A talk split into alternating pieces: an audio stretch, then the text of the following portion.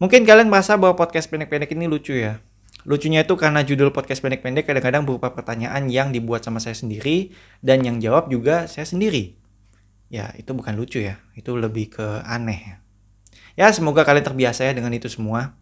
Kalau bisa dan mau sih kalian kasih pertanyaan lah di kolom komentar Instagram atau YouTube atau lewat pesan suara di Anchor juga bisa. Itu kalau bisa dan mau.